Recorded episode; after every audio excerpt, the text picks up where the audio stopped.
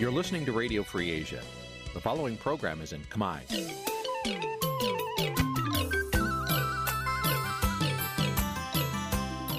នេះជាកម្មវិធីផ្សាយ Vuthu Azizi Serai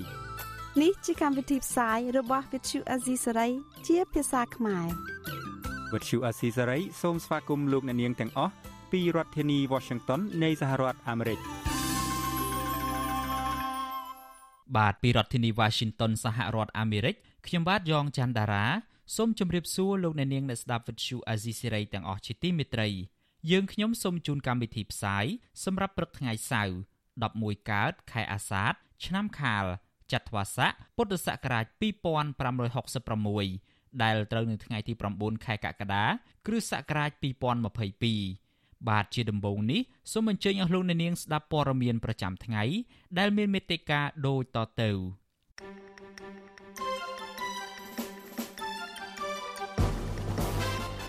អ្នកជំនាញបារម្ភថាការបន្តធ្វើវិសោធនកម្មរដ្ឋធម្មនុញ្ញនឹងធ្វើឲ្យប៉ះពាល់ដល់គោលការណ៍ប្រជាធិបតេយ្យបន្ថែមទៀតសង្គមស៊ីវិលស្នើដល់អាជ្ញាធរកុំរារាំងការប្រារព្ធខួប6ឆ្នាំនៃគិតកម្មលើបណ្ឌិតកែមលី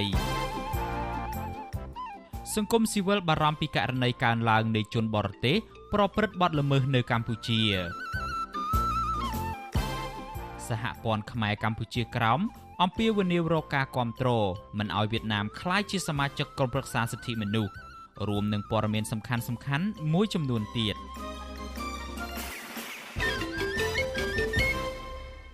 បាទជាបន្តទៅទៀតនេះខ្ញុំបាទយ៉ងច័ន្ទដារា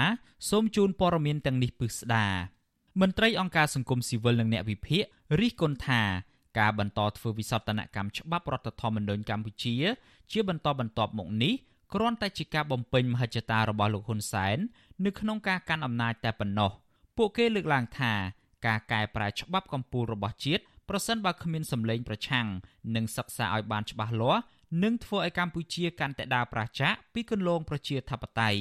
បាទអ្នកស្រីម៉ៅសុធានីរាយការណ៍ព័ត៌មាននេះ ប្រតិកម្មរបស់មន្ត្រីសង្គមស៊ីវិលនិងអ្នកវិភាគធ្វើឡើងនៅបន្ទាប់ពីលោកនាយករដ្ឋមន្ត្រីហ៊ុនសែនបានបើកកិច្ចប្រជុំគណៈរដ្ឋមន្ត្រី ដើម្បីអនុម័តសេចក្តីព្រាងធម្មនុញ្ញដែលឈានទៅធ្វើវិសាស្ត្រនកម្មច្បាប់រដ្ឋធម្មនុញ្ញលើកទី10នៅថ្ងៃទី8ខែកក្កដា ពួកគាត់រិះគន់ថាផែនការធ្វើវិសតនកម្មច្បាប់កម្ពុជាក្នុងអំឡុងពេលដែលកម្ពុជាកំពុងមានវិបត្តិនយោបាយជាប់គាំងបែបនេះគឺមិនឆ្លោះបញ្ចាំងអំពីគោលការណ៍ប្រជាធិបតេយ្យនិងដើម្បីពង្រឹងនីតិរដ្ឋនោះឡើយប្រធានសមាគមការពារសិទ្ធិមនុស្សអាត់ហុកលោកនីសុខា មានប្រសាសន៍ប្រាប់បច្ចុប្បន្នស្រីនៅថ្ងៃទី8ខែកក្កដាថាបើការធ្វើវិសតនកម្មរដ្ឋធម្មនុញ្ញស្ថិតនៅក្នុងគោលដៅធ្វើយ៉ាងណា គឺដើម្បីបម្រើការពារផ្ដល់សិទ្ធិអំណាចដល់ប្រជាប្រដ្ឋនិងធានាការពារប្រយោជន៍របស់ជាតិទោះបីយ៉ាងណាលោកកត់សម្គាល់ថាការធ្វើវិសតនកម្មរដ្ឋធម្មនុញ្ញចុងក្រោយនេះគឺធ្វើឡើងស្របពេលដែលបរិបទនយោបាយនៅកម្ពុជា កំពុងជាប់គាំងនិងគ្មានសម្លេងគណៈបពប្រឆាំងនៅក្នុងស្ថាប័នរដ្ឋាភិបាល លោកនីសុខាបន្ថែមថាបើកម្ពុជាស្ថិតក្នុងកលៈទេសៈធ្វើវិសតនកម្មច្បាប់រដ្ឋធម្មនុញ្ញមានតែសភាឯកបៈបែបនេះគឺមិនឆ្លោះបញ្ចាំងពីការរួបរวมជាតិនិងឆន្ទៈរបស់ប្រជាប្រដ្ឋនោះឡើយ។ យើងនៅមានចំនួនខាងផ្លូវនយោបាយយើងនៅមានវិបត្តិខាងនយោបាយនេះហើយដោយសារតែយើងគិតឃើញបញ្ហានេះហើយថាយើងស្នើថាបើសិនជាមានវិសោធនកម្មគួរណាស់តែរងចាំឲ្យមានសម្លេងឯកភាពជាតិកុំឲ្យមានការបែកបាក់នៅក្នុងជាតិយើងសិនគេថាមានការផ្សះផ្សាបង្រួបបង្រួមជាតិឲ្យបានស្រួលបួលទៅឲ្យរដ្ឋសភានឹងមានសម្លេងជាលក្ខណៈពហុបកឲ្យបានត្រឹមត្រូវហើយយើងរៀបចំធ្វើកំណែតម្រង់វិសោធនកម្មទាំងរដ្ឋធម្មនុញ្ញទាំងច្បាប់មួយចំនួនដែលធានាឲ្យបាននៅប្រយោជន៍ជាតិអានឹងវាជាការល្អជាជាងនៅក្នុងកលៈទេសៈការធ្វើវិសោធនកម្មទៅសភាបច្ចុប្បន្នគឺមានលក្ខណៈជាបកតែមួយដែរបាទស្រដៀងគ្នានេះដែរនាយកទទួលបន្ទុកកិច្ចការទូតនៃអង្គការសិទ្ធិមនុស្សលីកាដូលោកអំសំអាត មានប្រសាសន៍ថាលោកនៅមិនទាន់ដឹងខ្លឹមសារណាខ្លះដែលរដ្ឋាភិបាលគ្រោងធ្វើវិសោធនកម្មច្បាប់ធម្មនុញ្ញនៅឡើយប៉ុន្តែលោកថាភាពចាំបាច់បំផុត នៃការកែរដ្ឋធម្មនុញ្ញគឺទាមទារឲ្យមានការចូលរួមជាពហុគំនិត និងសិក្សាឲ្យបានច្បាស់លាស់ក្នុងការកែប្រែច្បាប់ ដើម្បីតម្កល់ផលប្រយោជន៍ជាតិទាំងមូល និងផ្ដល់ផលប្រយោជន៍ដល់ប្រជាប្រដ្ឋទូទៅ។ យើងឃើញថាជាការពិតនៅក្នុងពិភពលោកប្រទេសណាដោយប្រទេសណាដែរមានការធ្វើវិសោធនកម្មដែររដ្ឋធម្មនុញ្ញមិនថាអត់ទេប៉ុន្តែគេកម្រនឹងប៉ះពាល់ណាស់ពីព្រោះរដ្ឋធម្មនុញ្ញជាច្បាប់កម្ពុជារបស់រដ្ឋណាគឺវាត្រូវធ្វើម៉េចឲ្យអនុលោមឲ្យស្របតាម រដ្ឋធម្មនុញ្ញនឹងសំខាន់ណាស់ចំពោះរដ្ឋធម្មនុញ្ញរបស់ប្រទេសនីមួយៗហើយចំពោះរដ្ឋធម្មនុញ្ញនៅប្រទេសកម្ពុជាដូចខ្ញុំបានលើកឡើងយើងឃើញកត់សម្គាល់ឃើញមានការធ្វើវិសោធនកម្មហើយនឹងមានរដ្ឋធម្មនុញ្ញបន្ថែមវា9លើកទៅហើយដែលច្រើនក្នុងរយៈពេល93មកទល់ពេលនេះ កិច្ចប្រជុំពេញអង្គគណៈរដ្ឋមន្ត្រីដែលដឹកនាំដោយលោកនាយករដ្ឋមន្ត្រីហ៊ុនសែននៅព្រឹកថ្ងៃទី8ខែកក្កដានេះបានពិភាក្សាទៅលើសេចក្តីព្រាងច្បាប់ធម្មនុញ្ញតាក់ទងនឹងការធ្វើវិសោធនកម្មរដ្ឋធម្មនុញ្ញក្រៅពីនេះគណៈរដ្ឋមន្ត្រីក៏បានអនុម័តធ្វើសេចក្តីព្រាងច្បាប់មួយចំនួនទៀតរួមមានសេចក្តីព្រាងច្បាប់ស្តីពីការគ្រប់គ្រងចំណូលមិនមែនសារពើពន្ធផងដែរ ក្រោយពីបាច់កិច្ចប្រជុំពេញអង្គគណៈរដ្ឋមន្ត្រីលោកហ៊ុនសែនក៏បានធ្វើសំណើសុំការយោគយល់ពីបញ្ហានានាទៅកាន់គណៈរដ្ឋមន្ត្រី ដើម្បីបញ្ជាឲ្យស្ថាប័ននីតិបញ្ញត្តិយល់ព្រមធ្វើការអនុម័តវិសោធនកម្មរដ្ឋធម្មនុញ្ញចុងក្រោយនេះភ្លាមភ្លាមផងដែរ។ វិទ្យុស៊ីស្រីមិនអាចតតងប្រធានអង្គភិបនៃអ្នកនាំពាក្យរដ្ឋាភិបាលលោកផៃស៊ីផាន និងអ្នកនាំពាក្យក្រសួងយុទ្ធភ័ពលោកជីនម៉ាលីនដើម្បីសុំអត្ថាធិប្បាយជុំវិញខ្លឹមសារនៃការកែរដ្ឋធម្មនុញ្ញជាថ្មីទៀតបាននៅឡើយទេ នៅថ្ងៃទី8ខែកក្កដាទោះយ៉ាងណាលោកផៃសិផាន បានប្រាប់កាសែតក្នុងស្រុកថាលោកហ៊ុនសែនបានសម្រេចអនុម័តទាំងស្រុងលើសេចក្តីព្រាងច្បាប់ធម្មនុញ្ញនេះ លោកថាខ្លឹមសារលម្អិតទាំងឡាយដែលពាក់ព័ន្ធការធ្វើវិសោធនកម្មច្បាប់រដ្ឋធម្មនុញ្ញនេះ ដែលតកតងនឹងការរក្សាប្រកបភាពនៃការងាររដ្ឋបាល និងផលប្រយោជន៍របស់ប្រជាពលរដ្ឋក្រសួងយុតិធម៌នឹងរៀបចំសន្និសីទសារប័ណ្ណមានបកស្រាយលម្អិតនៅថ្ងៃខាងមុខ អ្នកវិភាគនយោបាយនិងសង្គមលោកកឹមសុខយល់ថាមកដល់ពេលនេះកាន់តែឆ្លុះបញ្ចាំងយ៉ាងច្បាស់ថាប្រព័ន្ធដឹកនាំការងាររដ្ឋបាលនៅកម្ពុជា ក្រោមការដឹកនាំរបស់លោកហ៊ុនសែនបានទទួលបរាជ័យយ៉ាងខ្លាំងលោកកឹមសុខលើកឡើងបន្តថាប្រព័ន្ធដឹកនាំការងាររដ្ឋបាលដែលបរាជ័យនោះគឺដោយសារតែកៅអីសម្រាប់រដ្ឋមន្ត្រីនៅតាមក្រសួងស្ថាប័ននានាមានចំនួនច្រើនលើសលប់ ហើយការអនុវត្តទួនាទីជាក់ស្ដែង គឺมันបានបំពេញទួនាទីឲ្យបានត្រឹមត្រូវដើម្បីបម្រើផលប្រយោជន៍ប្រជាពលរដ្ឋនោះឡើយលើសពីនេះលោកយល់ថាការធ្វើវិសោធនកម្មច្បាប់រដ្ឋធម្មនុញ្ញជាថ្មីទៀតលោកហ៊ុនសែនអាចឆ្លៀតបំពេញច្បាប់មួយចំនួនបន្ថែម អំពីការធានានៃផែនការផ្ទៃអំណាចទៅកាន់លោកហ៊ុនម៉ាណែតដែលជាកូនប្រុសច្បងរបស់លោកទៅថ្ងៃខាងមុខ ការកែរដ្ឋធម្មនុញ្ញច្រើនដងពេករហូតទៅដល់10ដងទៅហើយ តាំងពីក្រោយការបោះឆ្នោតឆ្នាំ1993មកនឹងធ្វើឲ្យច្របូកច្របល់មែនទែនខុសផ្លូវប្រជាធិបតេយ្យដូច្នេះដើម្បីធ្វើអ្វីបន្តទៀតតម្រូវតាមផែនការអំណាចរបស់ក្រមគ្រួសារហ៊ុនលោកហ៊ុនសែនមានតែប្រើវិធីធ្វើវិសោធនកម្មរដ្ឋធម្មនុញ្ញដដែលដដែលដើម្បីតម្រូវភាពចាំបាច់នៃការពង្រឹងអំណាចរបស់គាត់ គិតត្រឹមឆ្នាំ1993មកដល់ពេលនេះកម្ពុជាក្រោមការដឹកនាំរបស់លោកហ៊ុនសែន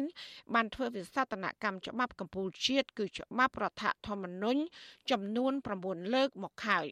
ការកែច្បាប់កម្ពុជាជាតិកន្លងមកនេះ ក្រុមអ្នកខ្លាំមើលរិះគន់ថាបណ្ដាលឲ្យច្បាប់កម្ពុជាចុះទុនខ្សោយ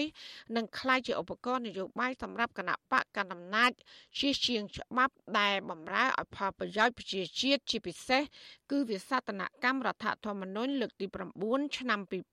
2021ដែលជាវិសតនកម្មមួយដែលអ្នកច្បាប់ចាត់ទុកថាជាការកែប្រែកំណែតម្រង់ច្បាប់ជាតិដ៏អាក្រក់មួយ ដែលហាមឃាត់មិនឲ្យប្រធានក្រុមប្រឹក្សាធម្មនុញ្ញប្រធានព្រឹទ្ធសភា ប្រធានរដ្ឋាភិបាលនិងប្រធានអង្គនីតិប្រតិបត្តិគឺនាយករដ្ឋមន្ត្រីមានសញ្ជាតិបរទេសឡើយគឺត្រូវតែមានសញ្ជាតិខ្មែរតែមួយគត់ចាននាងខ្ញុំម៉ៃសុធានីវិទ្យុអាស៊ីស្រីប្រធានាធិបតី Washington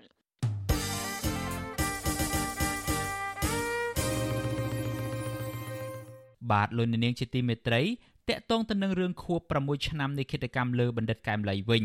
ក្រមមន្ត្រីអង្គការសង្គមស៊ីវិលសមាគមនិងសហជីពក្រុងជួបជុំគ្នាដើម្បីរំលឹកវិញ្ញាណក្ខន្ធនិងបាំងស្កូលតាមបែបព្រះពុទ្ធសាសនាជូនបណ្ឌិតកែមលីនៅស្តុបបូកូ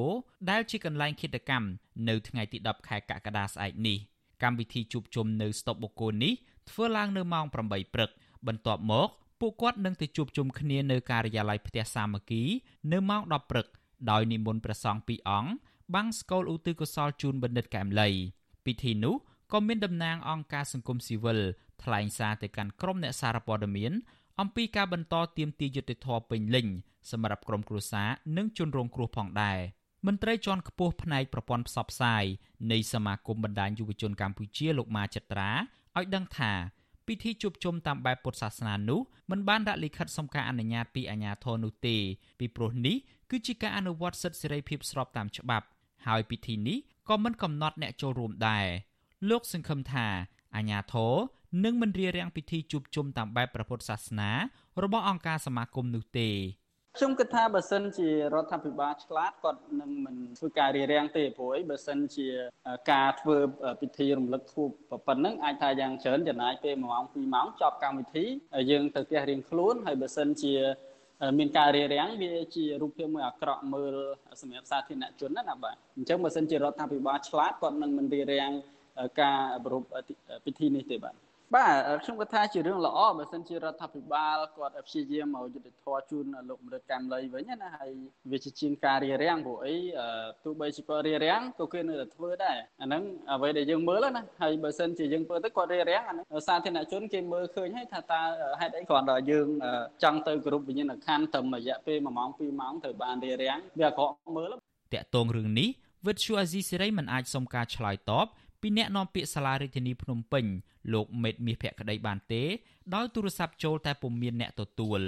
ទោះជាយ៉ាងណាកន្លងមកអាជ្ញាធររដ្ឋាភិបាលលោកហ៊ុនសែនតែងតែរៀបរៀងនិងបានចាប់ខ្លួនអ្នកប្រារព្ធខួបនិងថែមទាំងហាមមិនអោយប្រជាពលរដ្ឋពាក់អាវមានរូបនិងទស្សនៈបណ្ឌិតកែមលីទៀតផង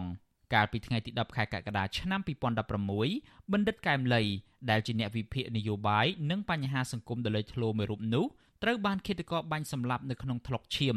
នៅហាងកាហ្វេមួយកន្លែងនៅក្នុងស្ថានីយ៍ប្រេងឥន្ធនៈនៅកណ្ដាលរាជធានីភ្នំពេញការបាញ់ប្រហារនេះកើតមានឡើងក្រោយពីអ្នកវិភាគរូបនេះបានផ្ដល់ការអត្ថាធិប្បាយដល់បណ្ដាញសារព័ត៌មានអំពីការកាន់កាប់ទ្រព្យសម្បត្តិដ៏ច្រើនសន្ធឹកសន្ធាប់របស់ក្រុមគ្រួសារលោកនាយរដ្ឋមន្ត្រីហ៊ុនសែនដែលបានលាតត្រដាងនៅក្នុងរបាយការណ៍អង្គការឃ្លាំមើលពិភពលោក Global Witness រហូតមកដល់ពេលនេះរដ្ឋាភិបាលលោកហ៊ុនសែន នៅតែខកខាននៅក្នុងការស្វែងរកយុត្តិធម៌ជូនបណ្ឌិតកែមលីនិងក្រុមគ្រួសាររបស់គាត់នៅក្នុងឱកាសប្រារព្ធខួប6ឆ្នាំនេះក្រុមអង្គការសង្គមស៊ីវិលនិងអ្នកគោរពស្រឡាញ់បណ្ឌិតកែមលីនៅតែបន្តទាមទារឲ្យអាជ្ញាធរវែកមុខចាប់ជនដៃដល់ពិតប្រាកដនឹងអ្នកពាក់ព័ន្ធជាពិសេសអ្នកបញ្ជាពីក្រោយខ្នងយកមកកាត់ទោសតាមផ្លូវច្បាប់ដើម្បីផ្ដល់យុត្តិធម៌សម្រាប់ជនរងគ្រោះ បាទលោកអ្នកនាងជាទីមេត្រីតកតងទៅនឹងរឿងខ្មែរកម្ពុជាក្រោមវិញ សហព័ន្ធខ្មែរកម្ពុជាក្រោមដែលមានមូលដ្ឋាននៅសហរដ្ឋអាមេរិកកំពុងធ្វើយុទ្ធនាការប្រឆាំងនឹងរដ្ឋាភិបាលវៀតណាមដែលកំពុងចង់សុំធ្វើជាសមាជិកក្រុមប្រឹក្សាសិទ្ធិមនុស្សរបស់អង្គការសហប្រជាជាតិសម្រាប់អាណត្តិ3ឆ្នាំ គឺពីឆ្នាំ2023ដល់ឆ្នាំ2025សហព័ន្ធខ្មែរកម្ពុជាក្រោមអះអាងថា វៀតណាមកំពុងតែរំលោភសិទ្ធិមនុស្សជាពិសេសខ្មែរកម្ពុជាក្រោមដែលជាម្ចាស់ស្រុកហេតុដូច្នេះប្រទេសវៀតណាមមិនអាចក្លាយជាសមាជិកក្រុមប្រឹក្សាសិទ្ធិមនុស្សរបស់អង្គការសហប្រជាជាតិបាននោះទេបាទលោកអ្នកនាងនឹងបានស្ដាប់សេចក្តីរាយការណ៍នេះពឺស្ដានៅក្នុងកម្មវិធីផ្សាយរបស់យើងនាពេលបន្តិចទៀតនេះ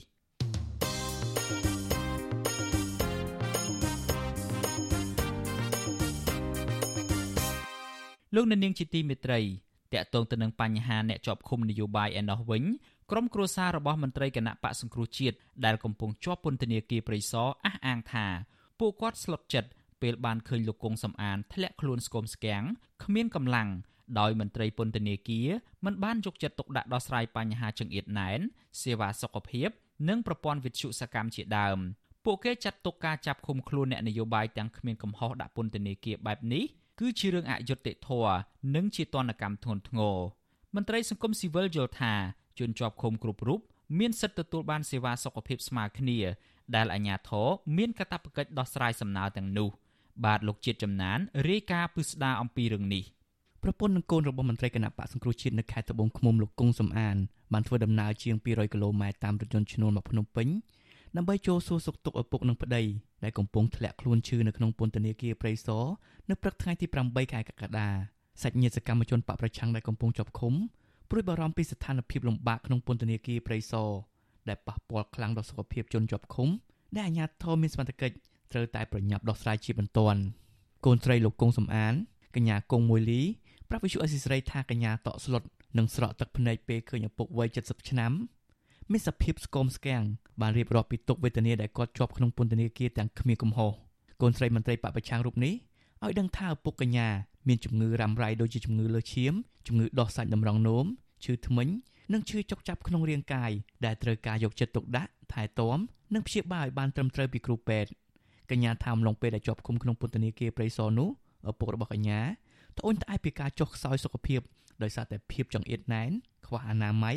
និងប្រព័ន្ធវិទ្យុសកម្មជាដើមកញ្ញាទទូចដល់រដ្ឋាភិបាលឬក្រសួងមហាផ្ទៃ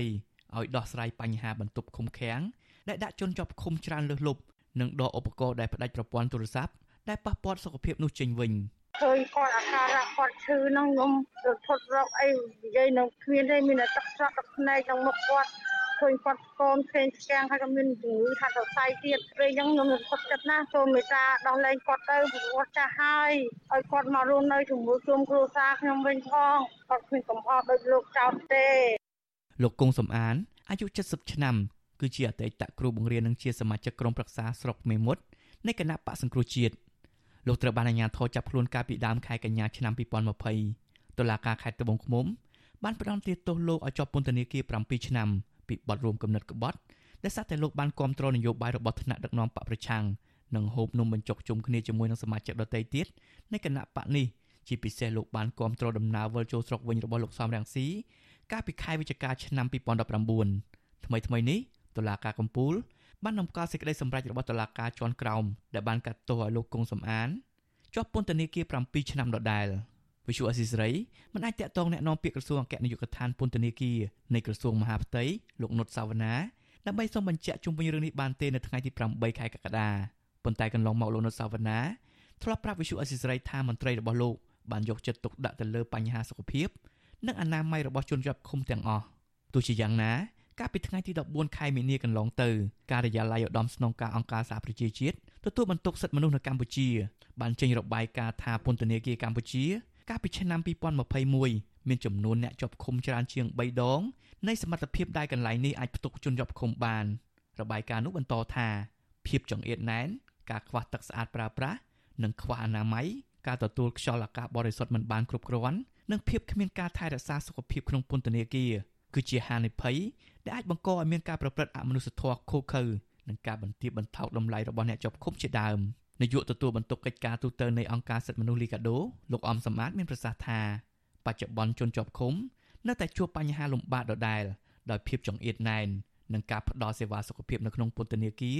មិនឆ្លើយតបទៅនឹងចំនួនអ្នកជាប់ឃុំច្រើនលើសលប់ទន្ទឹមនឹងនេះលោកសង្កេតឃើញថាកន្លងមកករណីអុកញ៉ានិងអ្នកមានលុយមានអំណាចអាចដេកសម្រាកនៅមន្ទីរពេទ្យខាងក្រៅពន្ធនាគាររាប់ឆ្នាំ ខុសពីអ្នកទោសនយោបាយនិងគ្រួសារក្រីក្រ ដែលនាំឲ្យសាធារណជនរិះគន់ពីការអនុវត្តច្បាប់ស្តង់ដារ2កណតភាពចង្អៀតណែនវាអត់មានតលយៈភាពនិងសប្រមាណរវាងមន្ត្រីពន្ធនាគារជាមួយនឹងអ្នកជាប់ឃុំទេចំណុចនឹងហើយដែលបង្កផលវិបាកវាមិនមែនផលវិបាកតែទៅលើអ្នកជាប់ឃុំមួយទេមន្ត្រីនឹងក៏មានផលវិបាកដូចគ្នាវានៅតែចំណុចដែលបញ្ហាត្រូវធ្វើការដោះស្រាយបន្តទៀតលោកអំសម្បត្តិយល់ថាអ្នកនយោបាយដែលពាក់ព័ន្ធ គួរតែចូលតុចរចាបញ្ចប់វិបត្តិនយោបាយដើម្បីដោះលែងសកម្មជនទាំងនោះឲ្យមានសេរីភាពនិងប្រកួតប្រជែងតាមរយៈការបោះឆ្នោតដោយដែលអ្នកនយោបាយធ្លាប់ធ្វើពីមុនមកមកដល់ពេលនេះមានសកម្មជនគណៈបកប្រឆាំងជាង60នាក់ទៀតកំពុងជាប់ឃុំក្នុងពន្ធនាគារដោយសារតែការអនុវត្តសិទ្ធិនយោបាយរបស់ពួកគាត់ពួកគាត់ភ័យច្រើនត្រូវបានអាជ្ញាធរចាប់ខ្លួនជាបន្តបន្ទាប់កាលពីដើមឆ្នាំ2020តុលាការបានចោទប្រកាន់ពួកគេដូចដូចគ្នាពីបទរួមគំនិតក្បត់ ញុះញង់ឲ្យយោធិនមិនស្ដាប់បង្គាប់និងញុះញង់ឲ្យប្រព្រឹត្តបទអក្រិតជាអាតថ្មីថ្មីនេះតុលាការបានផ្តន្ទាទោសពួកគេឲ្យជាប់ពន្ធនាគារចន្លោះពី5ឆ្នាំទៅ7ឆ្នាំប៉ុន្តែសកម្មជននយោបាយខ្លះតម្រូវឲ្យអនុវត្តទោស3ឆ្នាំ8ខែដោយទោសនៅសល់ត្រូវព្យួរក្រុមអង្គការជាតិអន្តរជាតិជាច្រើនស្ថាប័នរួមទាំងទីភ្នាក់ងារអង្គការសហប្រជាជាតិនិងក្រុមប្រទេសប្រជាធិបតេយ្យធំធំថ្កោលទោសជាបន្តបន្ទាប់ចំពោះរដ្ឋាភិបាលលោកហ៊ុនសែនដោយចាត់ទុកថាការចាប់ខ្លួនទាំងនោះ គឺជារឿងនយោបាយគ្មានមូលដ្ឋានច្បាប់និងបន្តទាមទារឲ្យដោះលែងសមាជិកគណៈបកប្រឆាំងនិងអ្នកជាប់ឃុំដោយសារមូលហេតុនយោបាយឲ្យមានសេរីភាពឡើងវិញដោយឥតលក្ខខណ្ឌខ្ញុំបាទជាចំណាន Visual Assisray ពីរដ្ឋធានី Washington បាទលោកអ្នកនាងកំពុងស្ដាប់ការផ្សាយរបស់ Visual Asia Series ពីរដ្ឋធានី Washington សហរដ្ឋអាមេរិកតកតងទៅនឹងគិតកម្មទៅលើអតីតនាយករដ្ឋមន្ត្រីជប៉ុនវិញរដ្ឋាភិបាលកម្ពុជាសម្ដែងការរន្ធត់ចិត្តនិងសោកសៅ ចំពោះអំពើឃាតកម្មដែលកើតឡើងលើអតីតនាយករដ្ឋមន្ត្រីជប៉ុនលោក Shinzo Abe លោកនាយករដ្ឋមន្ត្រីហ៊ុនសែនបានផ្ញើលិខិតរំលែកទុក្ខទៅកាន់នាយករដ្ឋមន្ត្រីជប៉ុនលោក Fumio Kishida កាលពីល្ងាចថ្ងៃទី8ខែកក្កដាដោយលើកឡើងថារដ្ឋាភិបាលនិងប្រជាពលរដ្ឋកម្ពុជាសូមចូលរួមរំលែកទុក្ខដ៏ក្រៀមក្រំ និងសមានចិត្តដ៏ជ្រាលជ្រៅជូនចំពោះក្រុមគ្រួសារសពរបស់លោកអាបេនិងប្រជាជនជប៉ុន ចំពោះការបាត់បង់ដ៏ធំធេងមួយនេះលោកគូបញ្ជាក់ថាលោកអាបេគឺជារដ្ឋបរោះជប៉ុនដ៏លេចធ្លោមួយរូបដែលត្រូវបានគេទទួលស្គាល់និងលើកសរសើរយ៉ាងទូលំទូលាយចំពោះភាពជាអ្នកដឹកនាំប្រកបដោយសមត្ថភាពនៅក្នុងការជំរុញវឌ្ឍនភាពរបស់ប្រទេសជប៉ុននិងការចូលរួមចំណែកយ៉ាងសកម្មដល់ស្ថិរភាព សន្តិភាព និងវិបលភាពនៅក្នុងតំបន់និងពិភពលោកទាំងមូលស្រដៀងគ្នានេះអង្គការសិទ្ធិមនុស្សនៅកម្ពុជា ក៏សោកស្ដាយចំពោះករណីឃាតកម្មលើលោកអាបេនេះដែរអ្នកនាំពាក្យសមាគមការពារសិទ្ធិមនុស្សអាត6លោកសឹងសានករណាថ្លែងថាអង្គការសង្គមស៊ីវិលថ្កោលទោសយ៉ាងដាច់អហង្ការចំពោះអំពើហិង្សាទាំងឡាយរួមទាំងករណីឃាតកម្មលើលោកអាបេនេះផងដែរ យើងមានការសោកស្ដាយពីព្រោះកាលពីអាណត្តិលោកធ្វើជានាយករដ្ឋមន្ត្រីនឹងគឺមានតំណែងតំណងល្អហើយបានជួយស្ដារនៅការអភិវឌ្ឍនៅកម្ពុជានឹងជាច្រើនទាំងផ្នែកនយោបាយការអភិវឌ្ឍផ្នែកសេដ្ឋកិច្ចសង្គមអីផ្សេងផ្សេងហ្នឹងគឺមានការជួយច្រើនជាពិសេសផ្នែកហេដ្ឋារចនាសម្ព័ន្ធផ្សេងផ្សេងនៅក្នុងប្រទេសកម្ពុជាយើងនឹងលោក Jin Su Abe ត្រូវបានខ្មាន់កំភ្លើងបាញ់ប្រហារ ពេលលោកកំពុងថ្លែងសន្ទរកថា នៅក្បែរស្ថានីយ៍រថភ្លើងមួយកន្លែងនៅភូមិខាងកើតទីក្រុងអូសាកាកាលពីថ្ងៃទី8ខែកក្កដាសារព័ត៌មានជប៉ុន បានរាយការណ៍ថាលោកបានស្លាប់នៅម៉ោងប្រមាណ5ល្ងាចម៉ោងនៅក្នុងប្រទេសជប៉ុនលោក Shinzo Abe មានអាយុ67ឆ្នាំនិងជាប់ឈ្មោះជានាយករដ្ឋមន្ត្រីកាន់តំណែងយូរជាងគេនៅក្នុងប្រវត្តិសាស្ត្រជប៉ុនលោកធ្លាប់ធ្វើជានាយករដ្ឋមន្ត្រីជប៉ុនចំនួន2លើកដោយលើកទី1នៅចន្លោះពីឆ្នាំ2006 ដល់ឆ្នាំ2007និងលើកទី2គឺចន្លោះពីឆ្នាំ2012ដល់ឆ្នាំ2020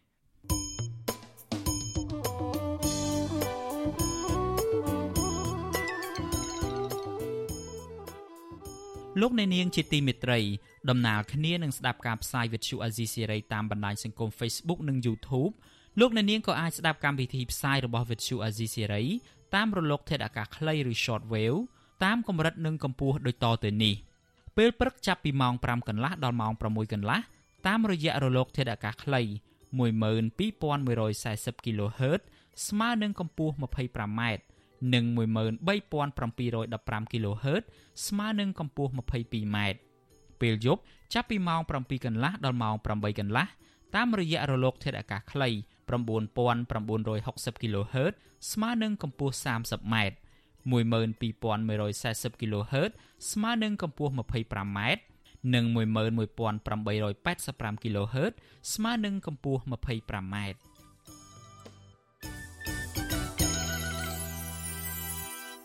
បាទលោកអ្នកនាងជាទីមេត្រីតាក់ទងទៅនឹងករណីដែលជនបរទេសប្រព្រឹត្តបទល្មើសនៅកម្ពុជាឯណោះវិញសង្គមស៊ីវិលព្រួយបារម្ភថាករណីជនបរទេសដែលមករស់នៅ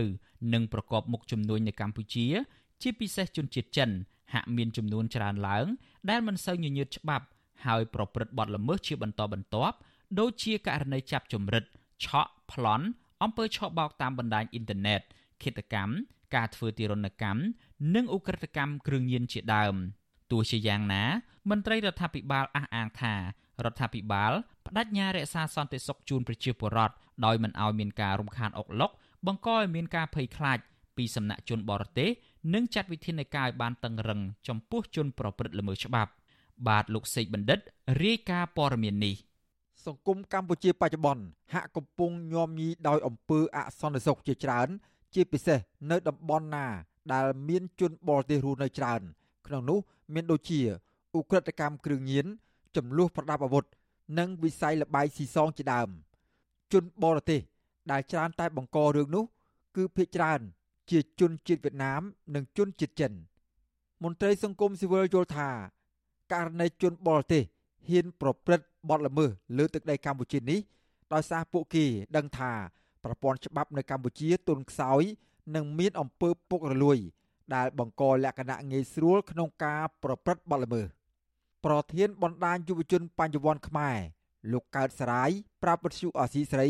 ថាលោកព្រួយបារម្ភ អំពីការកើនឡើងនៃលំហូរជនជាតិចិនចូលមកកម្ពុជា ហើយថែមទាំងប្រើប្រាស់អាវុធដោយពុំមានការខ្លាចរអាច្បាប់ព្រហ្មទណ្ឌនោះទេលោកសង្កេតឃើញថា ជនបរទេសទាំងនោះហាក់ចាត់ទុកដែនដីកម្ពុជា សម្រាប់ទីលាន ដែលងាយស្រួលដល់ពួកគេក្នុងការប្រព្រឹត្តឧក្រិដ្ឋកម្មផ្សេងៗដូចជាអំពើចាប់ចម្រិតជួញដូរមនុស្សជួញដូរអាវុធនិងគ្រឿងញៀនជាដើមលោកស្នើដល់អាជ្ញាធរ ត្រូវតែអនុវត្តច្បាប់ឲ្យបានម៉ឺងម៉ាត់ទៅលើជនដែលបង្កចលាចលក្នុងស្រុកមិនថាគេជាជនជាតិណាក៏ដោយ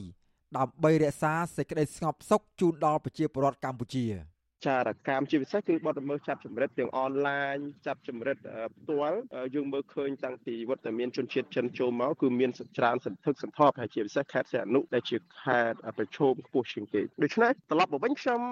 មើលឃើញបែបសត្វធនិយមថាជនជាតិចិនអាចជាជនជាតិមួយដែលគាត់មិនសូវជាគោរពលើច្បាប់កម្ពុជាហើយគាត់មិនមានចេតនាពិតប្រកបណាមួយនឹងមកជួយអភិវឌ្ឍនៅកម្ពុជាទេដែលយើងមើលឃើញថាតែងតែមានបទល្មើសប្រើអាវុធប្រើកំភ្លើងបាញ់សម្លាប់ជុំវិញបញ្ហានេះអ្នកនាំពាក្យរដ្ឋាភិបាលកម្ពុជាលោកផៃស៊ីផានប្រាប់បទសុអសីសេរីថា ជនល្មើសដែលប្រើប្រាស់អាវុធខុសច្បាប់នៅក្នុងប្រទេសកម្ពុជាត្រូវតែទទួលទោសឬត្រូវបណ្តេញចេញពីកម្ពុជានិងមិនអនុញ្ញាតឲ្យវិលចូលកម្ពុជាវិញជាដាច់ខាតបើក្នុងបទឧក្រិដ្ឋធ្ងន់ធ្ងរលោកអះអាងថា គ្រប់បទល្មើសទាំងអស់ដែលបង្កឡើងដោយជនបរទេសគឺមន្ត្រីសមត្ថកិច្ចតែងតែបង្ក្រាបឲ្យមានប្រសិទ្ធភាពនិងដាក់ទោសទៅតាមច្បាប់ប្រទេសទោះបីជាជនបរទេសនោះ មានសម្ព័ន្ធភាព និងជនមានអំណាចក៏ដោយ។ ឲ្យតែអ្នកប្រព្រឹត្តបទល្មើសគឺអ្នកនឹងត្រូវទទួលទណ្ឌកម្មមិនថាអ្នកនឹងមានអ្នកសំណងល្អជាមួយអ្នកណាទេគឺនៅតែទទួលទណ្ឌកម្មនឹងបាទពីព្រោះអង្គហេតុនិងអង្គច្បាប់ដែលតម្រូវឲ្យគេតុលាការលោកអនុវត្តតាមអារឿងបាញ់ការប្រើប្រាស់កំភ្លើងនឹងវាជាវិបត្តិលើពេញពិភពលោកហើយណាអានឹងសំបីតែសហរដ្ឋអាមេរិកកំពុងតែតតាំងអំពីនយោបាយនៃការគ្រប់គ្រងបទល្មើសទៅលើជនដែលប្រើប្រាស់អាវុធខុសច្បាប់នេះឯងកាលពីថ្ងៃទី2ខែកក្កដាមានករណីជនជាតិចិន បាញ់សម្លាប់ជនជាតិចិនគ្នាឯងរឿងជំពាក់បំណុលប្រមាណ3000ដុល្លារនៅកាស៊ីណូមុកបៃក្នុងក្រុងបាវិតខេត្តស្វាយរៀងដោយឡែកកាលពីយប់ថ្ងៃទី15ខែមិថុនាក្រមអ ுக ្រិតជនជនជាតិចិន និងវៀតណាម ដែលមានគ្នាជាង10នាក់បានទាស់ពាក្យសម្ដីគ្នាជាមួយនឹងអ្នករត់ម៉ូតូកង់3ម្នាក់ដែលជាជនជាតិខ្មែរ និងបានដកកំភ្លើងបាញ់និងភ្ជុងអ្នករត់កង់3រូបនោះស្ថិតនៅក្នុងខេត្តប្រសេនុភ្លាមភ្លាមក្រោយពីកើតហេតុក្រុមអ ுக ្រិតជនទាំងនោះបានដកកំភ្លើងបាញ់រះមកលើក្រុមសមត្ថកិច្ចពេលចុះបង្ក្រាបបណ្ដាលឲ្យសមត្ថកិច្ចម្នាក់រងរបួសធ្ងន់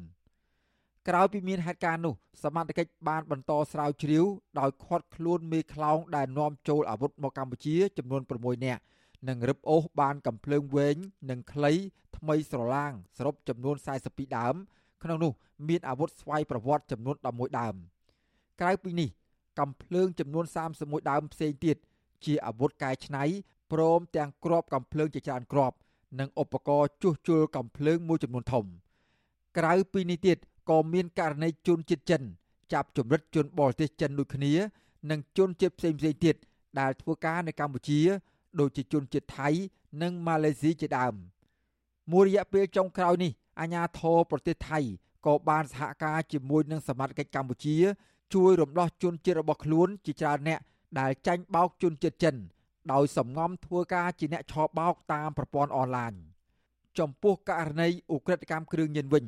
សមត្ថកិច្ចកម្ពុជាក៏បង្ក្រាបបានទ្រង់ទ្រាយធំជាបន្តបន្ទាប់ជាក់ស្ដែងកាលពីថ្ងៃទី5កក្កដាជនជាតិចិន7នាក់ ត្រូវបានឃាត់ខ្លួនពាក់ព័ន្ធនឹងករណីរោងចក្រផលិតគ្រឿងញៀននៅខេត្តប្រសេនុដោយសមត្ថកិច្ចរឹបអូសសារធាតុគីមីផ្សំជាគ្រឿងញៀនចំនួនជាង14តោន និងសម្ភារៈជាច្រើនផ្សេងទៀតរបាយការណ៍អគ្គស្នងការដ្ឋាននគរបាលជាតិនិងស្ថាប័នពាក់ព័ន្ធក្តាប់ព័ត៌មានតាក់ទិននឹងសកម្មភាពជនបរទេសបង្ហាញថាជជនល្មើសជាជនបរទេសនិងបង្ក្រាបជនបរទេសល្មើសច្បាប់ចំនួនជិត900លើកក្នុងនោះ មានករណីឃាតកម្មចំនួន3លើក របាយការណ៍ដដាលក៏បានបង្ហាញដែរថាលទ្ធផលការងារឆ្នាំ2021បានរៀបចំនីតិវិធីបណ្តេញចេញជនល្មើសច្បាប់ចេញពីកម្ពុជា មានជិត3600ករណីក្នុងនោះមានចំនួន43សញ្ជាតិសញ្ជាតិច្រើនជាងគេ គឺសញ្ជាតិថៃចិនវៀតណាម និងនីសេរីយ៉ាជាដើមខ្ញុំបាទសេកបណ្ឌិតវិទ្យុអាស៊ីសេរីពីរដ្ឋធានីវ៉ាស៊ីនតោនបាទលោកអ្នកនាងជាទីមេត្រីតកតងទៅនឹងរឿងសុខភាពវិញប្រទេសកម្ពុជាកាលពីថ្ងៃទី8កក្កដាម្សិលមិញបានទទួលវ៉ាក់សាំង COVID-19 ប្រភេទ Pfizer ជាជំនួយមកពីប្រទេសអូស្ត្រាលីចំនួន7.2សែនដូសដើម្បីចូលរួមទប់ស្កាត់ជំងឺ COVID-19 ឯកអគ្គរដ្ឋទូតអូស្ត្រាលីប្រចាំកម្ពុជាលោក Pablo Kang បានប្រគល់វ៉ាក់សាំង COVID-19 នេះជូនរដ្ឋមន្ត្រីក្រសួងសុខាភិបាលលោកមុំប៊ុនហេងសម្រាប់ចាក់ឲ្យកុមារកម្ពុជា ដែលមានអាយុពី5ទៅ11ឆ្នាំ ស្ថានទូតអូស្ត្រាលីបង្ហោះសារថាអូស្ត្រាលីនៅតែបដិញ្ញាធ្វើការជាមួយកម្ពុជា ក្នុងនាមជាមិត្តនិងជាដៃគូដ៏យូរអង្វែងដើម្បីឆ្លើយតបនឹងជំងឺ Covid-19 ចំណែករដ្ឋមន្ត្រីក្រសួងសុខាភិបាលលោកមុំប៊ុនហេងវិញលោកលើកឡើងថាកន្លងមកប្រទេសកម្ពុជាទទួលបានវ៉ាក់សាំងពីការបញ្ជាទិញនិងជំនួយផ្សេងៗ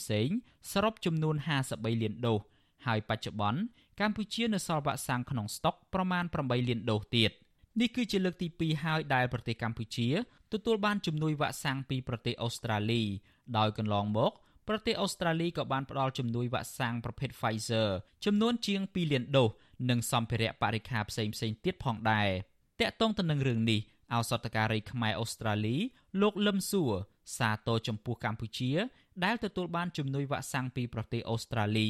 តកតងទៅនឹងការចាក់វ៉ាក់សាំង COVID-19 វិញលោកលឹមសួរជំរុញដល់ប្រជាពលរដ្ឋទូទៅបន្តការចាក់វ៉ាក់សាំងដូសជំរុញបន្ថែមទៀតដើម្បីការពារការឆ្លងរាលដាលនៅក្នុងសហគមន៍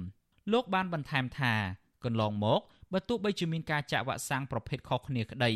ក៏ប្រសិទ្ធភាពនៅក្នុងការការពារមានច្រើន ជាងមិនចាក់ដូសជំរុញហើយវ៉ាក់សាំងមិនប្រឆាំងគ្នានោះទេ ប្រព័ន្ធការពារក៏បង្កើតក៏ធម្មតាដែរជួននេះក៏អាចមានលទ្ធភាពច្រើនជាងមុនទៀតផងណាហ្នឹងតាមការសិក្សាមកម្ល៉េះហើយការចាក់ច្បូកច្បល់ដូចជាមិនបញ្ហាអីទេក្រសួងសុខាភិបាលបានបង្ហាញថាកម្ពុជា មានករណីឆ្លងជំងឺ Covid-19 សរុបជាង130,000ករណីក្នុងនោះមានអ្នកស្លាប់ចំនួនជាង3000នាក់តកតងទៅនឹងការចាក់វ៉ាក់សាំងវិញ គិតត្រឹមថ្ងៃទី6ខែកក្កដាកម្ពុជាចាក់បានជាង94%នៃចំនួនប្រជាពលរដ្ឋសរុប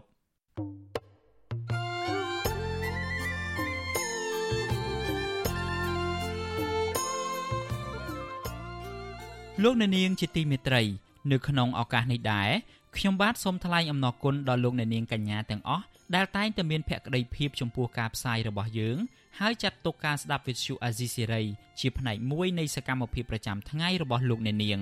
គឺការគ្រប់គ្រងរបស់លោកអ្នកនាងនេះហើយដែលធ្វើឲ្យយើងខ្ញុំមានទឹកចិត្តកាន់តែខ្លាំងថែមទៀតនៅក្នុងការស្វែងរកនិងផ្តល់ព័ត៌មានជូនលោកអ្នកនាងមានអ្នកស្ដាប់អ្នកទស្សនាកាន់តែច្រើនកាន់តែធ្វើឲ្យយើងខ្ញុំមានភាពស្វាហាប់មោះមុតជាបន្តទៅទៀតយើងខ្ញុំសូមអរគុណទុកជាមុនហើយសូមអញ្ជើញលោកអ្នកនាងកញ្ញា ចូលរួមជំរុញឲ្យសកម្មភាពផ្តល់ព័ត៌មានរបស់យើងនេះឲ្យកាន់តែជោគជ័យបន្ថែមទៀតលោកអ្នកនាងអាចជួយយើងខ្ញុំបានដោយគ្រាន់តែចុចចែករំលែកឬ share ការផ្សាយរបស់យើងនៅលើបណ្ដាញសង្គម Facebook និង YouTube ទៅកាន់មិត្តភ័ក្តិដើម្បីឲ្យការផ្សាយរបស់យើងបានទៅដល់មនុស្សកាន់តែច្រើន បាទសូមអរគុណ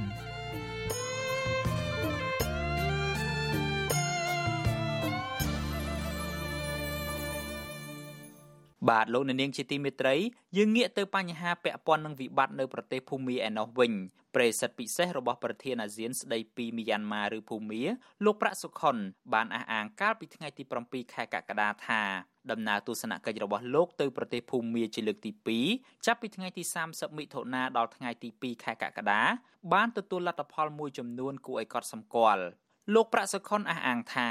ខាងភៀកគីរដ្ឋាភិបាលភូមា លោកបានជួបចរចាជាមួយមេដឹកនាំរបបសឹកភូមាគឺលោកមីនអងលៀងប្រធានក្រុមប្រឹក្សារដ្ឋបាលជាតិនៃរបបសឹកភូមារដ្ឋមន្ត្រីការបរទេសភូមារដ្ឋមន្ត្រីក្រសួងសុខាភិបាលរដ្ឋមន្ត្រីក្រសួងសង្គមគិច្ចនិងប្រធានគណៈកម្មាធិការចរចាសន្តិភាព និងសាមគ្គីជាតិនិងសមាជិកក្រុមប្រឹក្សាជាតិមីយ៉ាន់ម៉ាផងដែរ ចំណែកខាងភាគីប្រឆាំងវិញលោកប្រាក់សុខុនឲ្យដឹងថាលោកបានជួបពិភាក្សាជាមួយតំណាងក្រុមអង្គការប្រដាប់អាវុធជនជាតិភៀតតិចភូមាចំនួន7ក្រុមនិងតំណាងគណៈបកចំនួន7ដែលបានឈ្នះអាសនៈនៅសភា កាលពីការបោះឆ្នោតឆ្នាំ2020ក៏ប៉ុន្តែលោកមិនបានជួបជាមួយតំណាងគណៈបកនយោបាយចំនួន4ផ្សេងទៀតក្នុងនោះមានទាំងគណៈបករបស់អ្នកស្រីអង្សានស៊ូជីនោះឡើយ។ សេចក្តីថ្លែងការណ៍14ទំព័រស្តីពីលទ្ធផលទស្សនកិច្ចលើកទី2នេះលោកប្រាក់សុខុនគូបញ្ជាក់ថានៅក្នុងជំនួបពិភាក្សាជាមួយភាគីពាក់ព័ន្ធទាំងនោះលោកបានលើកយកចំណុច3សំខាន់គឺកិច្ចព្រមព្រៀងបទឈប់បាញ់គ្នាការផ្ដល់ជំនួយមនុស្សធម៌ទៅដល់ប្រជាពលរដ្ឋភូមាដែលត្រូវការចាំបាច់និងលទ្ធភាពជួបពិភាក្សាជាមួយគ្រប់ភាគីទាំងអស់ក្នុងបរិយាកាសប្រកបដោយសន្តិភាព និងការផ្សះផ្សាជាតិ លោកប្រាក់សុខុនបន្តថាក្នុងនាមជាប្រិស័ទពិសេសរបស់ប្រធានអាស៊ានស្ដីពីមីយ៉ាន់ម៉ាលោកនឹងបន្តប្រឹងប្រែងឲ្យអស់ពីសមត្ថភាពដើម្បីដោះស្រាយបញ្ចប់វិបត្តិនៅភូមាដោយផ្អែកទៅលើគោលការណ៍រួម5ចំណុចរបស់អាស៊ានក៏ប៉ុន្តែបញ្ហាចម្បងនោះគឺអាស្រ័យទៅលើភាគីពាក់ព័ន្ធដែលត្រូវមានសុឆន្ទៈដោះស្រាយដោយខ្លួនឯង លោកប្រាក់សុខុនក៏បានចែករំលែកអំពីការអនុវត្តគោលនយោបាយឈ្នះឈ្នះរបស់លោកនាយរដ្ឋមន្ត្រីហ៊ុនសែនជាមួយថ្នាក់ដឹកនាំរបបសឹកភូមាដើម្បីជួយឲ្យប្រទេសមួយនេះទទួលបានសុខសន្តិភាពការផ្សះផ្សាជាតិនិងបញ្ជាពីគំនាបរបស់បណ្ដាប្រទេសលោកខាងលិចផងដែរនៅក្នុងដំណើរទស្សនកិច្ចលើកនេះលោកប្រាក់សុខុនក៏បានផ្ដល់វ៉ាក់សាំង COVID-19 ចំនួន2លានដូសឲ្យរបបសឹកភូមាផងដែរ នៅមុនដំណើរទស្សនកិច្ចលើកទី2នៅភូមាប្រិស័ទពិសេសអាស៊ានលោកប្រាក់សុខុនក៏បានទទូចឲ្យរបបសឹកភូមាបញ្ជូនលោកស្រីអុងសានស៊ូជីត្រឡប់ទៅលំនៅឋានវិញក្រោយពីរបបសឹកបានសម្រេចផ្ទេរអ្នកស្រីពីការឃុំខ្លួននៅគេហដ្ឋានទៅឃុំខ្លួនក្នុងពន្ធនាគារដាច់ដោយឡែកមួយកាលពីចុងខែមិថុនាកន្លងទៅបាទលោកនាងជាទីមេត្រីពាក់ព័ន្ធទៅនឹងបញ្ហាគ្រោះមហន្តរាយវិញ គណៈកម្មាធិការជាតិគ្រប់គ្រងគ្រោះមហន្តរាយឲ្យដឹងកាលពីថ្ងៃទី8ខែកក្កដាថាមនុស្សចំនួន32នាក់បានស្លាប់និងរងរបួសចំនួន26នាក់ផ្សេងទៀតដោយសារតែរន្ទះបាញ់ចំនួន61លើករយៈពេល6ខែដើមឆ្នាំ2022នេះបន្ថែមពីនេះរន្ទះបាញ់ក៏បានសម្លាប់សត្វគោក្របីចំនួន69ក្បាល និងធ្វើឲ្យខូចខាតផ្ទះសម្បែងចំនួន11ខ្នងផងដែររបាយការណ៍របស់គណៈកម្មាធិការជាតិគ្រប់គ្រងគ្រោះមហន្តរាយឲ្យដឹងថា ក្រៅតែពីរន្ទះបាញ់ក៏នៅមានខ្យល់កន្ត្រាក់កើតឡើងចំនួនជិត110លើកបណ្ដាលឲ្យមនុស្សស្លាប់ចំនួន3នាក់រងរបួសចំនួន28នាក់ផ្ទះរលំជិត700ខ្នងខូចខាតសាលារៀនជិត20ខ្នងអាគាររដ្ឋបាល6កន្លែង និងខូចខាតតូបផ្សារចំនួន13កន្លែងផ្សេងទៀតព្រមទាំងប៉ើងនិងរបើកដំបូលផ្ទះអស់ជាង2400ខ្នងទៀតផងពាក់ព័ន្ធទៅនឹងបញ្ហាអគិភ័យវិញរបាយការណ៍ដដែលឲ្យដឹងថា ក្នុងរយៈពេល6ខែនៃឆ្នាំ2022កន្លងមកនេះអគិភ័យបានកើតឡើងជាង250លើកបណ្ដាលឲ្យមនុស្សស្លាប់ចំនួន11នាក់និងរងរបួសចំនួន32នាក់បន្ថែមពីនេះអគិភ័យក៏បានបំផ្លាញផ្ទះសម្បែងចំនួនជាង400ខ្នងតូបផ្សារចំនួនជិត50កន្លែងសាលារៀន2ខ្នង និងខូចខាតឃ្លាំងទំនិញចំនួន13កន្លែង thank you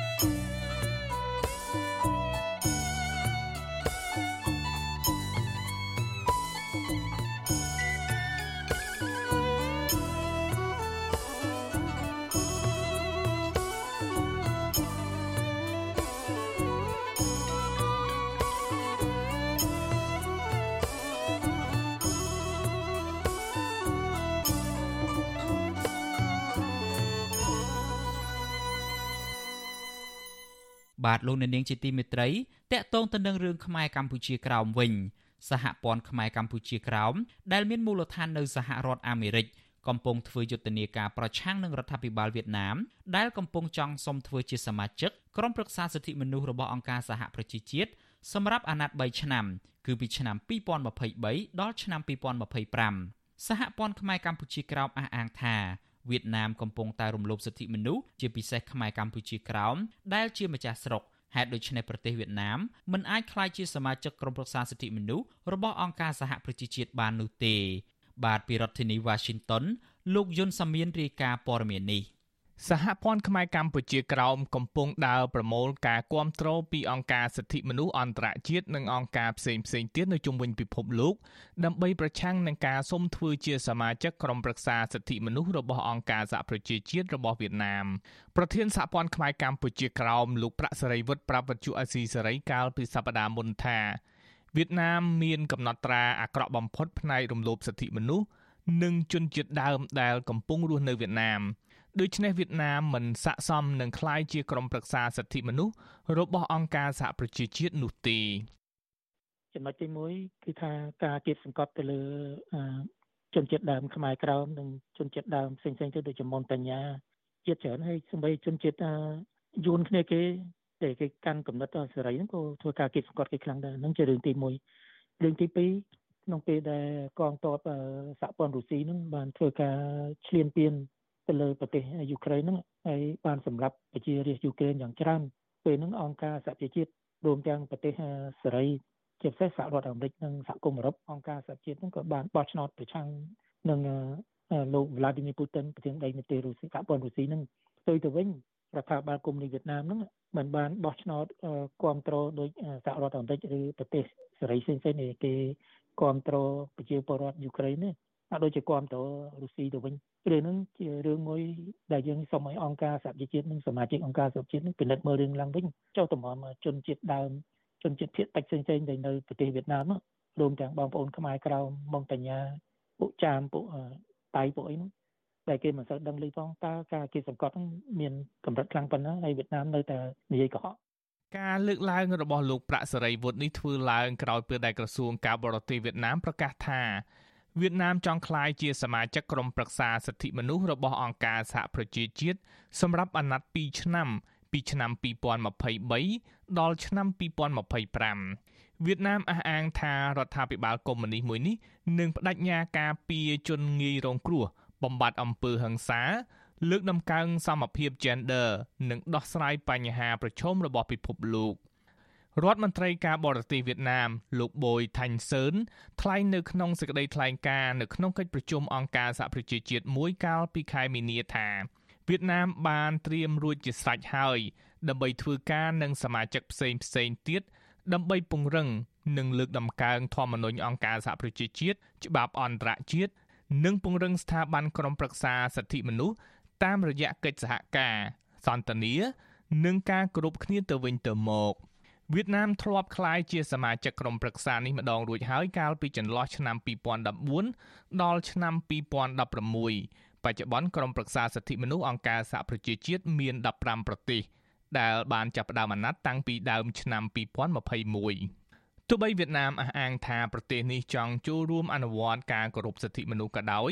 ក៏អង្គការសិទ្ធិមនុស្សនិងប្រទេសសេរីមួយចំនួនមិនមានជំនឿលើប្រទេសវៀតណាមដែរដោយសារតែសប្តាហ៍ថ្ងៃនេះ វៀតណាមបានរំលោភសិទ្ធិមនុស្សយ៉ាងធ្ងន់ធ្ងរសហព័ន្ធខ្មែរកម្ពុជាក្រោមអះអាងថាក្នុងរយៈពេលប្រមាណឆ្នាំចុងក្រោយនេះវៀតណាមបន្តធ្វើទុកបុកម្នេញលើពលរដ្ឋខ្មែរក្រោមជាក់ស្ដែងវៀតណាមបានរឹបអូសនិងឃាត់ខ្លួនយុវជនខ្មែរក្រោមជាច្រើននាក់ពីមូលហេតុដែលពួកគេបានចែកសេចក្តីប្រកាសរបស់អង្គការសហប្រជាជាតិឯកសារស្តីពីសិទ្ធិមនុស្សនិងសិទ្ធិជនជាតិដើមវៀតណាមចោទយុវជនខ្មែរក្រោមថា ការដែលពួកគេចែកចាយឯកសារសិទ្ធិមនុស្សនេះមានគោលបំណងបំបែកបំបាក់សាមគ្គីវៀតណាមត្រង់នេះសហព័ន្ធខ្មែរកម្ពុជាក្រោមចោទសួរថា ទង្វើរបស់វៀតណាមនេះតើអាចឲ្យប្រទេសវៀតណាមក្លាយជាគំរូសមាជិកក្រុមប្រឹក្សាសិទ្ធិមនុស្សនៃអង្គការសហប្រជាជាតិដើម្បីលើកដំកើងសិទ្ធិមនុស្សបានដែរឬទេថ្មីថ្មីនេះទៀតសោតវៀតណាមក៏បន្តឃាត់ខ្លួនយុវជនខ្មែរក្រោមជាច្រើនរូបដោយគ្រាន់តែពួកគេពាក់អាវយឺត ដែលមានសរសេរអក្សរថាខួប73ឆ្នាំ ក្រោមអាណានិគមនិយមយួននិងដាក់ទង់ជាតិខ្មែរក្រោមជាដើម ចំណែកស្ត្រីខ្មែរក្រោម5នាក់ទៀតក៏ត្រូវវៀតណាមបណ្តេញចេញពីការងារដោយសារតែពួកគេពាក់អាវយឺតនេះដែរប្រធានសហព័ន្ធខ្មែរកម្ពុជាក្រោមលោកប្រាក់សេរីវុឌ្ឍមានប្រសាសន៍ទៀតថាបើវៀតណាមងាកមកគោរពសិទ្ធិមនុស្សនិងសិទ្ធិជនជាតិដើម សហព័ន្ធនឹងពិចារណាយុទ្ធនាការនេះឡើងវិញ យើងសប្តាហ៍យើងទាមទារសិទ្ធិសម្រាប់វាសនាខ្លួននៅខ្លួនឯងហើយសិទ្ធិដែលយើងបាត់បង់តែប្រហែលយើងនឹងទាមទារជាលំដាប់លំដោយទៅអញ្ចឹងរហូតបាទតើគ្រប់នៅអ្វីដែលយើងចង់បានក្នុងនាមជាពលរដ្ឋមួយរស់នៅដោយត្រឹមត្រូវហើយជាម្ចាស់ដើមនៃទឹកដីហ្នឹងហើយសិទ្ធិក្នុងការសម្រេចវាសនាខ្លួននៅខ្លួនឯងគឺអនុញ្ញាតដោយ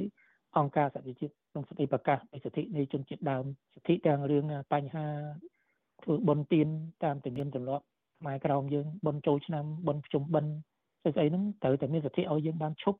សម្រាប់នៅថ្ងៃបុណ្យហ្នឹងបាទទោះបីជាយ៉ាងណាសហព័ន្ធខ្មែរកម្ពុជាក្រោមលើកឡើងថាដើម្បីបង្ហាញថាវៀតណាមពិតជាចង់ចូលរួមលើកស្ទួយវិស័យសិទ្ធិមនុស្សមែននោះប្រទេសនេះត្រូវធ្វើការងារមួយចំនួនសិន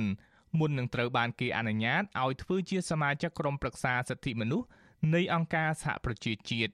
ការងារសំខាន់សំខាន់រួមមានការអនុវត្តដោយស្មោះត្រង់ រាល់អនុសញ្ញាទាំងឡាយណាដែលវៀតណាមបានចុះនឹងអង្គការសហប្រជាជាតិដើម្បីធានាថាពលរដ្ឋទូទៅរស់នៅប្រទេសវៀតណាមទទួលបានសិទ្ធិជាមូលដ្ឋាន ដោយគ្មានការធ្វើទុកបុកម្នេញប្រឈមនឹងការធ្វើទរណកម្មជាប់ពន្ធនាគារនៅពេលដែលពួកគេងើបឡើងទាមទារសិទ្ធិជាមូលដ្ឋានរបស់ពួកគេខ្ញុំយុនសាមៀនវិទ្យុអាស៊ីសេរីប្រធានាធិបតី Washington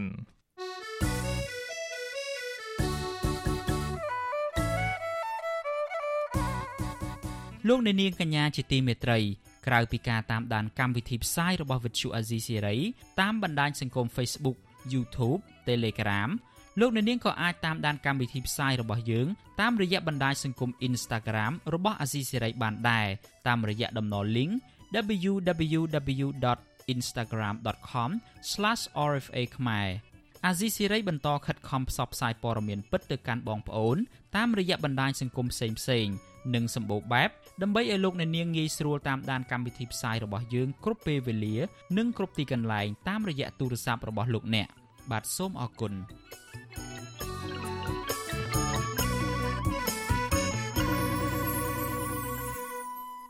បាទលោកអ្នកនាងជាទីមេត្រី យើងងាកទៅរឿងពលករខ្មែរនៅប្រទេសថៃឯណោះវិញ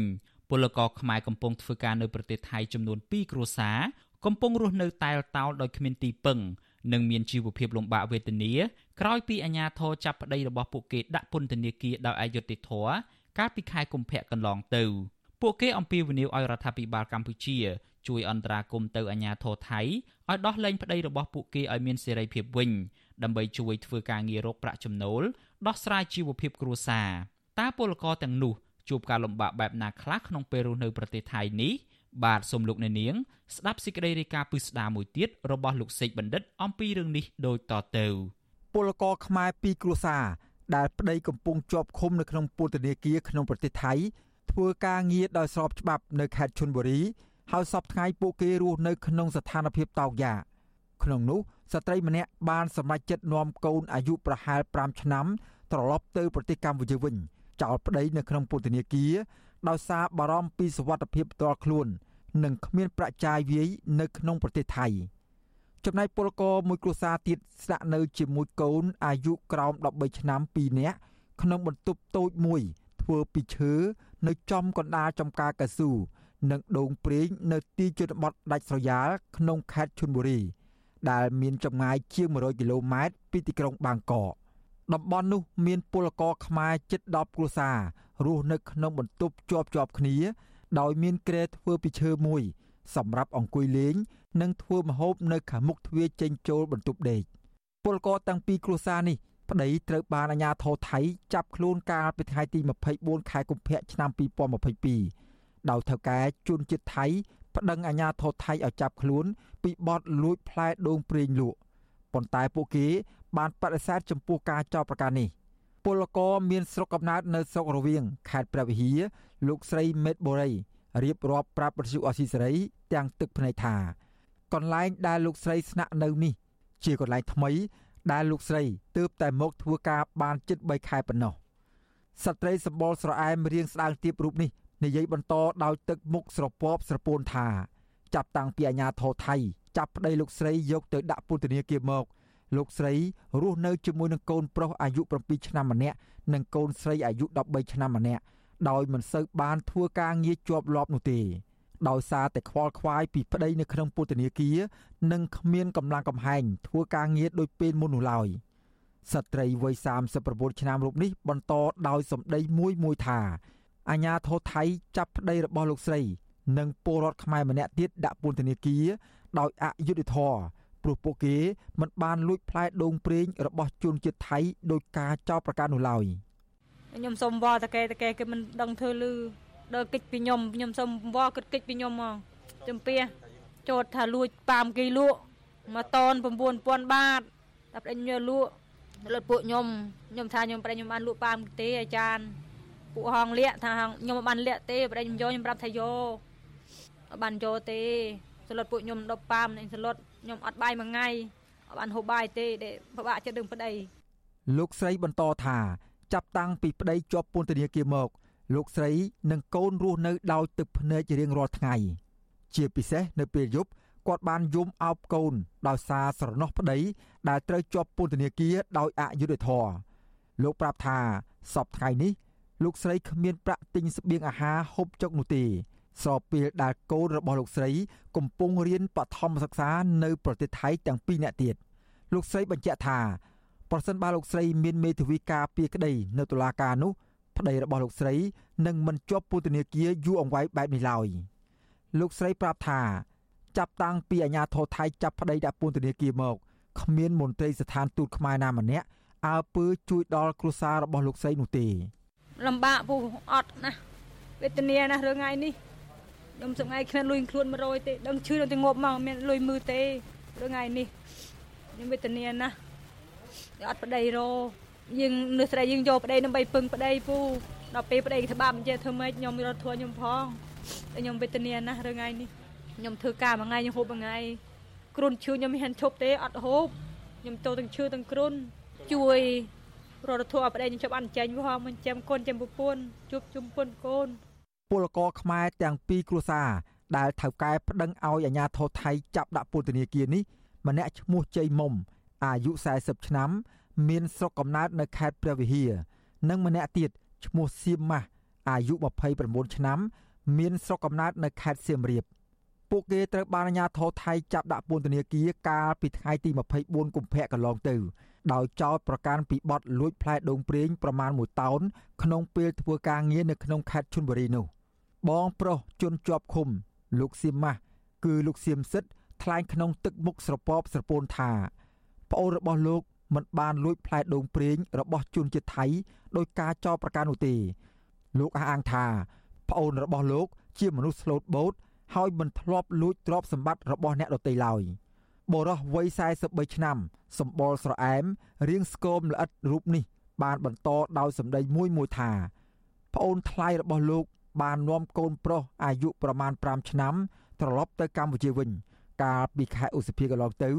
ដោយសារព្រួយបារម្ភពីសុវត្ថិភាព និងមិនអាចធ្វើការងាររកប្រាក់ដោះស្រាយជីវភាពគ្រួសារនៅប្រទេសថៃបានលោកស្នើសុំឲ្យមន្ត្រីស្ថានទូតខ្មែរប្រចាំនៅប្រទេសថៃ និងរដ្ឋាភិបាលខ្មែរជួយអន្តរាគមន៍ដោះលែងប្អូនលោកឲ្យមានសេរីភាពមកវិញដើម្បីធ្វើការងាររកប្រាក់ចិញ្ចឹមជីវិត និងទ្រទ្រង់ជីវភាពគ្រួសារ វាវិធានាវាកំសត់តែតាមកទីគីឲ្យខំខេតខំនេះមកជាពូយកទៀតក៏អូបងសត់ណាធានានិយាយគឺចង់តែស្រកទឹកគ្នាខ្ញុំសត់អូជីវភាពវាក្រខ្វះខាតមួយនេះគឺមានបញ្ហាទៀតជាពុជាច្បាក់ទៀតខ្ញុំថាវាកំសត់ណាតែមកតែសុខសบายទៅវាមិនសុខសบายគឺគាត់ជាពុជាច្បាក់ តកតទៅនឹងបញ្ហានេះអគ្គកុងស៊ុលស្ថានទូតខ្មែរប្រចាំនៅប្រទេសថៃ លោកផៃឡូនប្រាប់បទសុអសីស្រីថាលោកបានទទួលដំណឹងដែលអាជ្ញាធរចាប់ខ្លួនពលករខ្មែរទាំងនោះដែរប៉ុន្តែលោកថា ការយឺតយ៉ាវក្នុងការជួយដល់ពួកគាត់នោះដោយសារតែទូរស័ព្ទទៅគ្រួសារមិនអាចតាក់ទងបាន រហូតមកទល់នឹងពេលនេះ លោកបញ្ជាក់ថាក្រោយពីទទួលដំណឹងនេះ មន្ត្រីស្ថានទូតនឹងចុះទៅស្រាវជ្រាវដល់ទីតាំងពលករខ្មែររស់នៅក្នុងពេលឆាប់ឆាប់ ជាមួយខ្ញុំតាក់ទងទៅទូរស័ព្ទគាត់ជំនាញដំបូងសិនទូគាត់ផ្សារទៀតមកវាបាត់ពលមានហើយយើងតាក់ទងឡើងបានវិញមានរឿងវាបញ្ហាវាច្រើនដល់ពេលអញ្ចឹងទៅយើងមិនអាចនេះអស់ទេដល់ពេលតាក់ទងឡើងបានព្យាយាមទៅពីរបីដងក៏មានរឿងថ្មីមកទៀតអារឿងហ្នឹងវាដូចយើងថាស្មានតែគាត់ចេញទៅខ្មែរឬក៏ដោះលែងអីចឹងព្រោះដងព្រៃមិនអីខំដុំចង់និយាយចឹងណាបាទហើយមិនដឹងថាវាគេគុំខ្លួនអីរហូតដល់ពេលហ្នឹងទៀតជុំវិញរឿងនេះមន្ត្រីគម្រោងនៃអង្គការសង្ត្រាល់ប្រចាំនៅប្រទេសថៃ លោកលឹងសុផុនដែលបានចុះស្រាវជ្រាវផ្ទាល់ដល់ទីតាំងពលករខ្មែរស្នាក់នៅឲ្យដឹងថាការចាប់ពលករខ្មែរទាំងពីរនាក់ដាក់ពន្ធនាគារនេះគឺជារឿងអយុត្តិធម៌ដែលរដ្ឋាភិបាលខ្មែរគួរតែជួយអន្តរាគមន៍ទៅអាជ្ញាធរថៃឲ្យដោះលែងពួកគេឲ្យមានសេរីភាពមកវិញលោកបញ្ជាក់ថាការដែលពលករចាញ់ក្តីនៅក្នុងតុលាការប្រទេសថៃនេះដោយសារតែពួកគេមិនចេះច្បាប់ និងគ្មានមេធាវីការពីក្តីនៅតុលាការ តែការចោតប្រកាន់ហ្នឹងបងប្អូនពលករហ្នឹងគាត់ក៏មិនមិនដឹងថាចោតប្រកាន់រឿងអីដែរតែគាត់ធ្វើការសុកសុកស្រាប់តែតការហ្នឹងយកទៅចាប់យកគាត់ទៅដាក់គុកណាបាទហើយបើតាមខ្ញុំវាវាជារឿងយុទ្ធធរសម្រាប់បងប្អូនខ្មែរយើងដែលគាត់ធ្វើការហើយគាត់មិនទាំងទៅចេះអសរអីផងហើយណាមួយក៏មិនដឹងថាយកទៅលក់នៅកន្លែងណាទៀតហើយយកគាត់ទៅចាប់ដាក់គុកហើយវាវាជារឿងយុទ្ធធរមួយដែរសម្រាប់បងប្អូនយើងនៅក្នុងស្រុកថៃណាបាទលោកលឹងសុផុនបន្តថា ពលករខ្មែរធ្វើការនៅប្រទេសថៃតែងតែត្រូវបានថៅកែនិងជួនជាតិថៃប្តឹងអាជ្ញាធរថៃឲ្យចាប់ដាក់ពន្ធនាគារជាច្រើនករណីហើយភ ieck ច្រើនពួកគេបានចាញ់ក្តីនិងជាប់ពន្ធនាគារដោយអយុត្តិធម៌លោកមើលឃើញថាបញ្ហាទាំងនេះកើតឡើងដោយសារតែពលករខ្មែរទាំងនោះគ្មានមេធាវីការពារក្តីក្នុងតុលាការកាលពីខែធ្នូឆ្នាំ2020មានពលករខ្មែរមួយគ្រួសារមានគ្នា3នាក់ប្តីប្រពន្ធនិងកូន ក៏ត្រូវបានថៅកែដំឡូងមីជួនជាតិថៃ នៅប្រជិនបុរីយកកំភ្លើងខ្លីបាញ់គំរាមសម្លាប់ដោយសារខឹងពួកគេសូមច្បាប់ទៅលេខស្រុកកំណើតថៅកែថៃបានចោទប្រកាន់ពលករខ្មែរមួយគ្រួសារនោះថាបានជំពាក់ប្រាក់ថ្លៃធ្វើលិខិតឆ្លងដែនមិនទាន់បានសងគ្រប់គ្រាន់នៅឡើយប៉ុន្តែពលករខ្មែរអះអាងថាមូលហេតុដែលពួកគេសុំទៅកម្ពុជាវិញដោយសារតែពួកគាត់ធ្វើការងារឲ្យថៅកែថៃរូបនេះជាច្រើនខែមកហើយតែថៅកែថៃរូបនោះ មិនបើកប្រាក់ឈ្នួលឲ្យពួកគេឡើយពលករមួយគ្រួសារនេះបាននាំប្រពន្ធនិងកូនរត់ចេញពីកន្លែងធ្វើការទាំងយប់នៅថ្ងៃកើតហេតុនោះតែម្ដង ដោយព្រួយបារម្ភពីសុវត្ថិភាពហើយរហូតមកទល់នឹងពេលនេះអាជ្ញាធរថៃមិនបានចាប់ថៅកែជួនចិត្តថៃរូបនេះដាក់ពន្ធនាគារនៅឡើយទេរបាយការណ៍របស់អង្គការសង្ត្រាល់ឲ្យដឹងថា បច្ចុប្បន្នមានពលករខ្មែរធ្វើការងារស្របច្បាប់និងមិនស្របច្បាប់ជិត2លាននាក់ដែលកំពុងធ្វើការងារនៅក្នុងប្រទេសថៃនោះ ខ្ញុំបាទសេកបណ្ឌិតវិទ្យុអាស៊ីសេរីពីរដ្ឋធានីវ៉ាស៊ីនតោន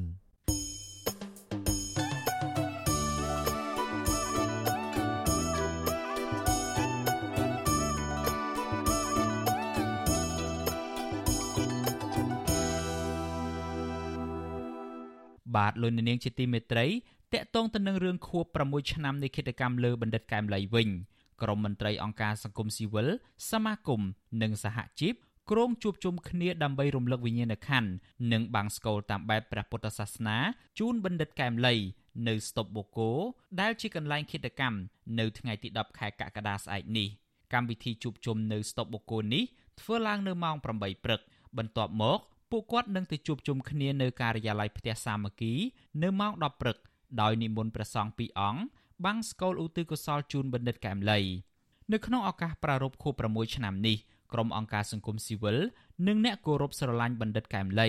នៅតែបន្តទៀមទាឲ្យអាជ្ញាធរវែកមុខចាប់ជនដៃដល់ពិតប្រាកដនឹងអ្នកពាក់ព័ន្ធជាពិសេសអ្នកបញ្ជាពីក្រោយខ្នងយកមកកាត់ទោសតាមផ្លូវច្បាប់ដើម្បីផ្ដល់យុត្តិធម៌សម្រាប់ជនរងគ្រោះ។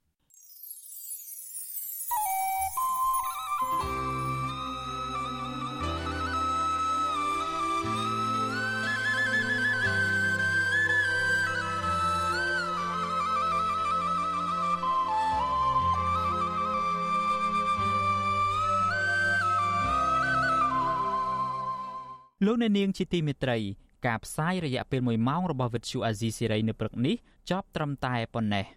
យើងខ្ញុំសូមជូនពរដល់លោកអ្នកនាងព្រមទាំងក្រុមគ្រួសារទាំងអស់ឲ្យជួបប្រកបតែនឹងសេចក្តីសុខចម្រើនរុងរឿងកុំបីឃ្លៀងឃ្លាតឡើយខ្ញុំបាទយ៉ងច័ន្ទដារាព្រមទាំងក្រុមការងារទាំងអស់នៃវិទ្យុអាស៊ីសេរីសូមអរគុណនិងសូមជម្រាបលា